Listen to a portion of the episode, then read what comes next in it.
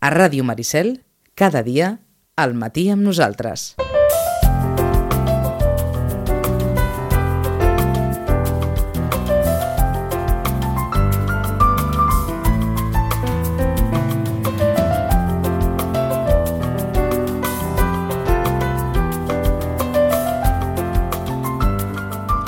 Doncs, eh, com cada 15 dies, eh, saludem a la gent de les biblioteques. Marta Sánchez, bon dia. Hola, bon dia. Paquita Sol, bon dia. Bon dia. Amb l'agenda eh, i les, com dèiem, nombrosíssimes activitats que, que van tenint lloc eh, doncs en aquesta eh, recuperades institucions culturals eh, recuperades en el sentit que ara que ja en, tornen a haver-n'hi dues obertes, doncs hi ha molta més possibilitat de, de fer coses.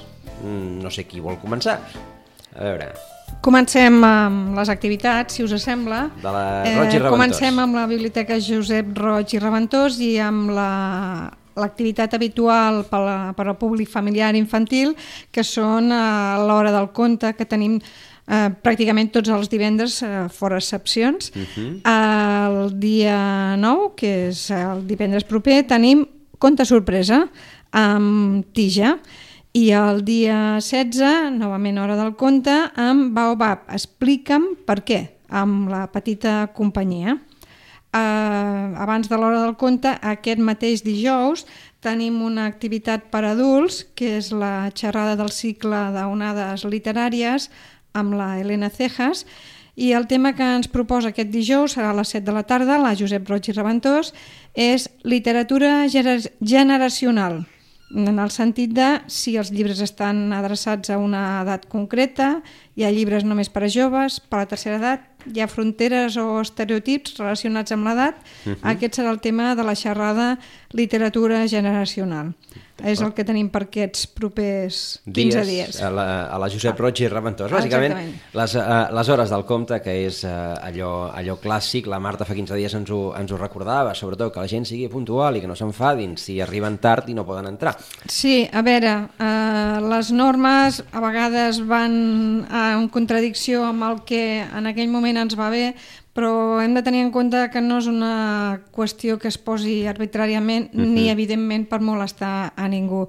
Les normes es fan amb idea de que vagi tot millor per tots uh -huh. en general i quan es fa una activitat que hi ha una persona doncs, que està fent una certa actuació, està fent un relat i requereix l'atenció dels presents i la seva pròpia concentració, doncs, eh, clar, es requereix que no hi hagin interrupcions.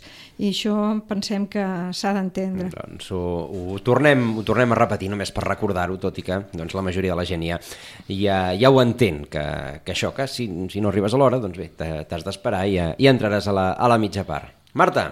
Doncs seguim amb l'agenda. Seguim amb l'agenda. El mateix divendres, dia 9, sí. a les 6 de la tarda, a la Biblioteca Santiago Rossinyol presentem una novel·la. Uh Mhm. -huh. Una novel·la escrita per un escriptor i professor de filosofia, que es diu Fernando Ezquerra, i aquesta novel·la es titula La muchacha que tenia làgrimes en la memòria. A la protagonista és la Núria, ella escriu un llibre dirigit a la seva filla petita, aquesta filla que en el moment en què ella escriu té un anyet, però amb la idea de regalar-li quan compleixi 18 anys. I en aquest escrit li explica uns fets molt durs que la Núria mateixa va viure quan tenia aquesta edat, els 18 anys. Uh -huh. En aquesta novel·la trobem un realisme psicològic, amb uns personatges molt reals i que se'ns faran molt propers, perquè viuen uns dilemes, unes pors i unes inquietuds amb les quals ens hi, ens hi podrem sentir identificats també. D'acord. Doncs, aquest divendres a les 6. Divendres a les 6, eh, presentació d'aquesta novel·la. Uh -huh. Seguim el dimecres 14, a dos uh -huh. quarts de sis, tenim Hora del Conte. Nosaltres la fem cada mes, a la Roig i Reventós cada setmana, i en aquesta ocasió estem molt contents de tenir la Sandra Rossi, que és una narradora que està des de venint a les biblioteques de Sitges des de fa molts anys, ens agrada moltíssim com ho fa, i per tant que s'estreni a la Biblioteca Santiago Rossinyol per nosaltres és una alegria molt gran, i segur que els nens i nenes que vindran s'ho passaran molt bé amb ella perquè és una gran professional.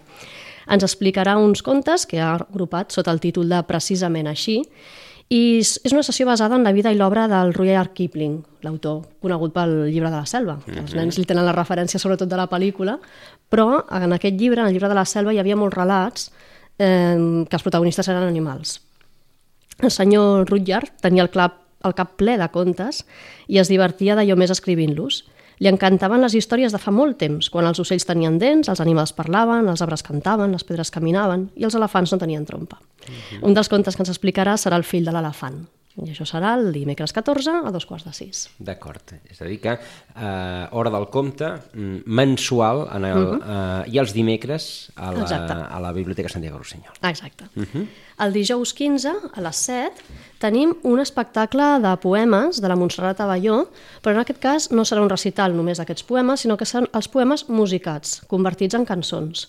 I qui els ha convertit en cançons? Doncs ha convertit en cançons la Mariona Sagarra, qui posarà la veu, i el Raül Costafreda, que posarà la guitarra.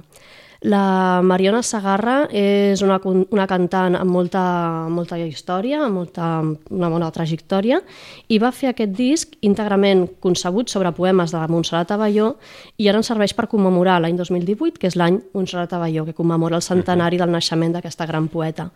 La Mariona Sagarra va fer uh, aquest disc l'any 2016 sí. i ella mateixa d'aquest treball deia que cada paraula, cada vers de la Montserrat és pura sin- sinceritat. Tant és així que moltes de les músiques que he compost per als seus poemes em semblen que només poden ser dites així, d'aquesta manera. Per mi ha estat una creació màgica i totalment orgànica, un regal. La Montserrat Abelló i la Mariona Sagarra es van conèixer i van fer una amistat molt sòlida i molt maca. De fet, les dues anaven com de bolos, cantant uh -huh. també, recitant poemes. I, per tant, aquesta vivència i aquesta coneixença tan directa que va tenir de l'autora doncs, també es queda molt reflexat en els poemes convertits en cançons que després cantarà la Mariona Sagarra. D'acord. Té una veu molt càlida, molt generosa, amb registres i matisos, i una tècnica excepcional i plena de recursos. Per tant, serà un luxe sentir-la cantar i, a més a més, cantar els poemes de la Montserrat Abelló. D'acord. Doncs això serà quan? Dijous 15 Sí? a les 7 de la tarda. Dijous 15 a les 7 de la tarda. Per tant, recital. Sí. Uh -huh. I el divendres 16, al matí, a les 10, hi ha una xerrada per a persones nouvingudes, a Sitges. És una xerrada que cal, a la que cal inscripció prèvia i està dirigida a persones, això, no? ciutadania nouvinguda, comunitària o extracomunitària, i el tema és una sessió informativa sobre l'adquisició de la nacionalitat i residència. Poden resoldre dubtes, els explicaran els tràmits a seguir per obtenir la, la nacionalitat. De 10 a 11 hi haurà una visita prèvia a la biblioteca i d'11 a 1 hi haurà aquesta xerrada. Aquesta activitat està organitzada per la Regidoria de Benestar i Família, pel Servei d'I- d'Igualtat i d'Inclusió, i té un número il·limitat, limitat de places, són 20 persones. Cal inscripció prèvia i aquesta inscripció es pot fer tant a la biblioteca, en persona o per correu electrònic o per telèfon, com al Servei d'Igualtat i Inclusió, també per telèfon o, o presencialment. Per tant, en aquest cas una xerrada eminentment pràctica. Exacte. no és cultural, sinó uh -huh. eh, persones nouvingudes Sí. que els interessi fer la tramitació doncs, eh, per tenir totes les receptes que, que, que calen. Exacte. Eh? Hi haurà aquesta visita prèvia també als espais de la biblioteca.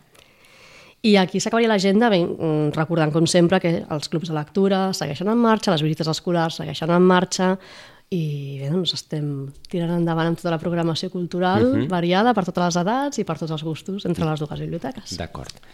I eh, també ens has portat llibres. Hem avui. portat llibres per recomanar. Uh -huh. Mira, hem portat, de, per una banda, bueno, els dos llibres són relacionats amb aquestes activitats que comentàvem ara. Per una banda, hi ha una biografia de la Montserrat Abelló, que es titula El miracle és viure, vivències, escrit per ella mateixa, i aquí la contraportada ens fa un resum de la seva vida mm, que podem fer-nos a la idea d'ho intensa que va ser. A veure. Diu un segle de vida de Montserrat Abelló, fins l'últim dia, amb 96 anys, va escriure poesia i sobre les seves vivències i va preparar aquest llibre que va deixar gairebé enllestit. En la seva vida ens parla de la seva infantesa a Tarragona, on va néixer ella, dels seus pares, de quan va anar també a Cádiz, a Londres, on va aprendre a llegir en anglès, a Cartagena, va tenir una joventut republicana entusiasta, eh, es va haver d'exiliar l'any 39 i va anar a Xile també, va construir la seva família i l'any 60 va tornar a Catalunya. A partir d'aquesta data és quan comença a escriure aquests poemes, escriure d'escriure, de feia molt de temps, com va començar a publicar aquests poemes no, amb una veu poètica molt pròpia. Uh -huh. A més de 60 anys doncs, va, va publicar i va anar construint doncs, lli- llibre rere llibre la seva obra poètica. En aquest llibre trobem la seva biografia, totes aquestes vivències de 96 anys, escrits amb, amb una lucidesa molt important, i a la biblioteca també tenim llibres de poemes d'ella que són tot un luxe. Jo sempre, és d'aquests poemes que, pels qui no acostumem a llegir poesia, són aquell tipus de poema que dic, són els que s'entenen i t'arriben moltíssim. No? Perquè és qui no... Que això no vol dir que siguin més fàcils no, no, no, de fer, que va, que va, no, ni no, no. menys no, no, no, interessants. no. Eh, Hi ha un tipus de poema que potser el llegeixes i et dona aquella sensació de no estic entenent el que m'estan mm. dient, i en canvi hi ha d'altres que t'arriben directes. Doncs és el cas de la Montserrat Avelló. D'acord. Doncs Montserrat Avelló, aquestes vivències, el miracle és viure, eh, com a una de les recomanacions que, que ens porta avui la gent de les biblioteques. I l'altre és un llibre, un àlbum il·lustrat per nens i nenes, que es titula L'elefantó tafaner.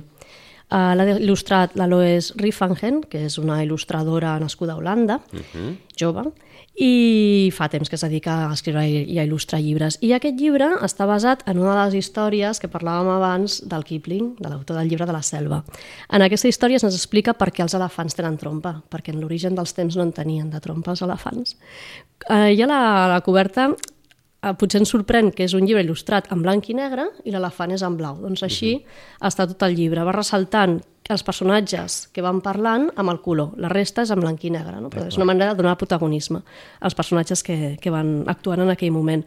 Al principi de l'àlbum, del llibre, són frases molt curtetes que ens situen en l'acció i en el protagonista, sobretot en aquest elefantó blau que és molt tafaner, va fent preguntes als altres animals, com tu fas per respirar sota terra, quins dos geus més grans que tens et molesten, i així és una miqueta pesat, i va preguntant, preguntant, fins que es troba amb un cocodril, i mm, el cocodril, com que l'enganya, Inyac li enganxa aquell nassó, aquell nas petitet que tenia l'elefant. Mm. En aquest àlbum hi ha pàgines desplegables i hi ha un moment en què el text es perd i simplement amb la il·lustració podem seguir la història de com aquest cocodril li enganxa el nas i tots els animals estiren i estiren i estiren per salvar a l'elefant de, del, del cocodril i aquella trompa doncs, es podem imaginar com va sorgir. És, és a dir, és una, eh, ens està cridant molt l'atenció. O sigui, comença escrivint escrivim però amb unes frases molt curtetes, Molt curtetes. per situar el caràcter d'aquest elefant, que és un tafaner. i, i I després, sí, sí. desapareix l'escriptura i Exacte. queda exclusivament la il·lustració, Sí, queda les il·lustracions maquíssimes. Mm, sí, sí. D'aquí blanc i negre passem a tot en color, perquè en aquest moment que tenim ara obertes unes pàgines desplegables, tots els animals són protagonistes, per tant, tots estan en color. I bé, doncs com aquest elefant pobret cau en la trampa del cocodril, però gràcies a això guanya una trompa a la que li trobarà molta utilitat. I també destaquem que el llibre, la història, acaba de fet a, a, la, a la guarda, és a dir, no, quan girem l'última pàgina el llibre encara continua com a la coberta posterior, diguéssim. Uh -huh. I aquí acaba la història, també sense cap paraula. D'acord, doncs eh, l'elefantó tafaner, uh Mhm. -huh. que és una de les propostes que ens porta en, eh, avui la gent de les biblioteques. N'hi ha més de propostes avui? Hi ha més propostes. A veure. Uh, un tema molt diferent, però pensem que molt interessant. Com segurament la majoria ja sap, uh, enguany ha estat també eh, l'any Pompeu Fabra, uh -huh. quan es commemoren 150 anys del seu naixement. Pompeu Fabra eh, el coneixem principalment per la seva grandíssima obra, que és fixar, ordenar i, i, i fer el gran diccionari de la llengua catalana, és uh -huh. com si fos el pare de la llengua normalitzada, però hi ha tot un ventall de lectures que ens parlen també de la seva vida, de la seva obra a més, a més enllà del diccionari i també del seu, del seu tarannà com a persona, una persona molt compromesa amb el país, amb la cultura, molt íntegra, molt metòdica. Uh -huh. eh, ara fa poc comentàvem que una, un tema molt curiós és que ell era enginyer químic. Llavors sembla que sorprèn que precisament el que l'obra que va ser l'obra de, tota la seva vida, que és el Diccionari de la Llengua, doncs vingui d'una persona eh, en principi de formació científica. No? Potser això també eh, és el que va fer que fos doncs, tan rigorós, tan constant i tan metòdic amb, amb el que va ser la seva obra. Ell va ser eh, va estar empresonat, va estar exiliat, va morir a l'exili, a més amb, amb molt pocs recursos.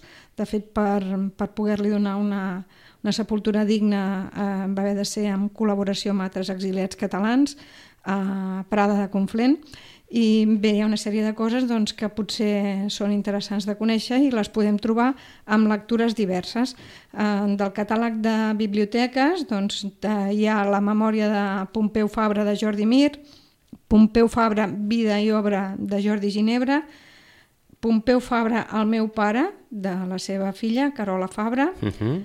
l'obra de Pompeu Fabra de Joan Solà, eh, Pompeu Fabra, 10 aspectes de l'home i l'obra, de Gabriel Bibiloni, i una, un llibre que està classificat com a infantil i de lectura fàcil, que és una sèrie de, de tema biogràfic de, la, de les publicacions de la Badia de Montserrat, que porta per títol Tant de gust de conèixer-lo, senyor Fabra. Mm. És un llibre molt agradable de, de llegir, encara que el caire sigui, sigui adreçat al públic infantil, familiar, però el pot llegir eh, a persones de qualsevol edat perquè és molt agradable i potser uh -huh. si, no, si no ve de gust un llibre més dens, doncs pot donar un, un perfil de, de qui era el gran, aquest gran representant de, de la nostra cultura.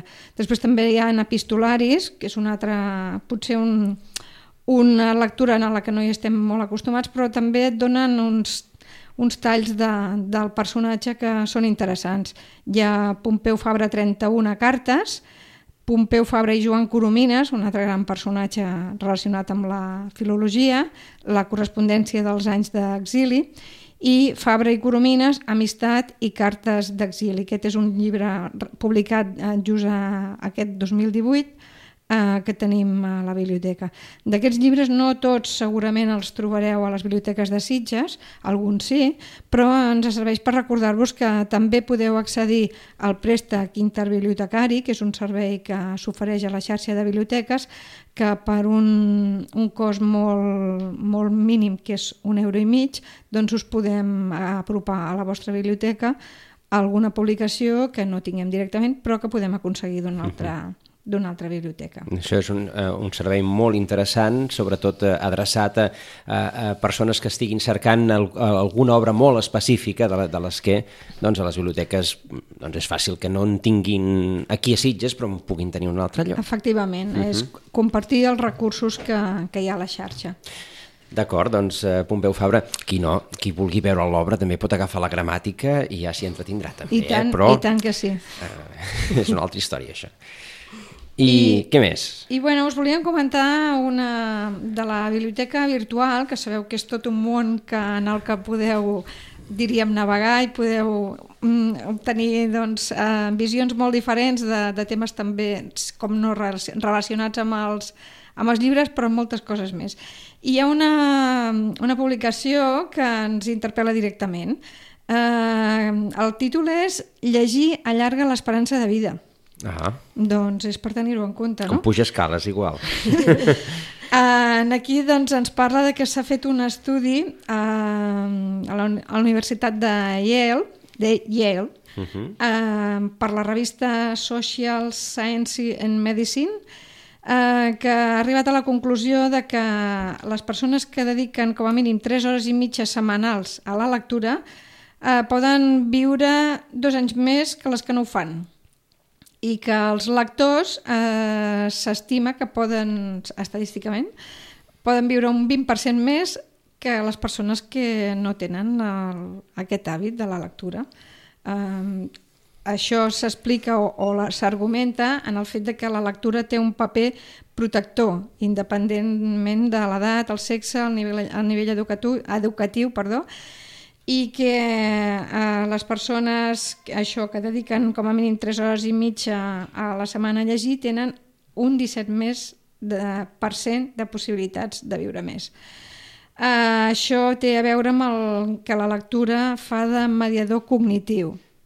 Aleshores, doncs, eh, tot i que només es llegeixi mitja hora, ja tens una possibilitat d'allargar més la qualitat de vida segur i uh mhm. -huh. també el temps de vida. O sigui que potser que ho tinguem en compte com un benefici més Exacte. de l'hàbit lector. En, en l'època dels estudis doncs està bé eh, tenir un estudi que no busca una substància física que ingerim, sinó que busca una substància doncs, més intangible però eh, igualment interessant, com són les, com són les lletres. Eh, interessant la recomanació eh, final de, de foment de la lectura. Volen viure més? A llegir. A llegir. Oi que sí? Sí, sí, anem a la biblioteca com una farmàcia.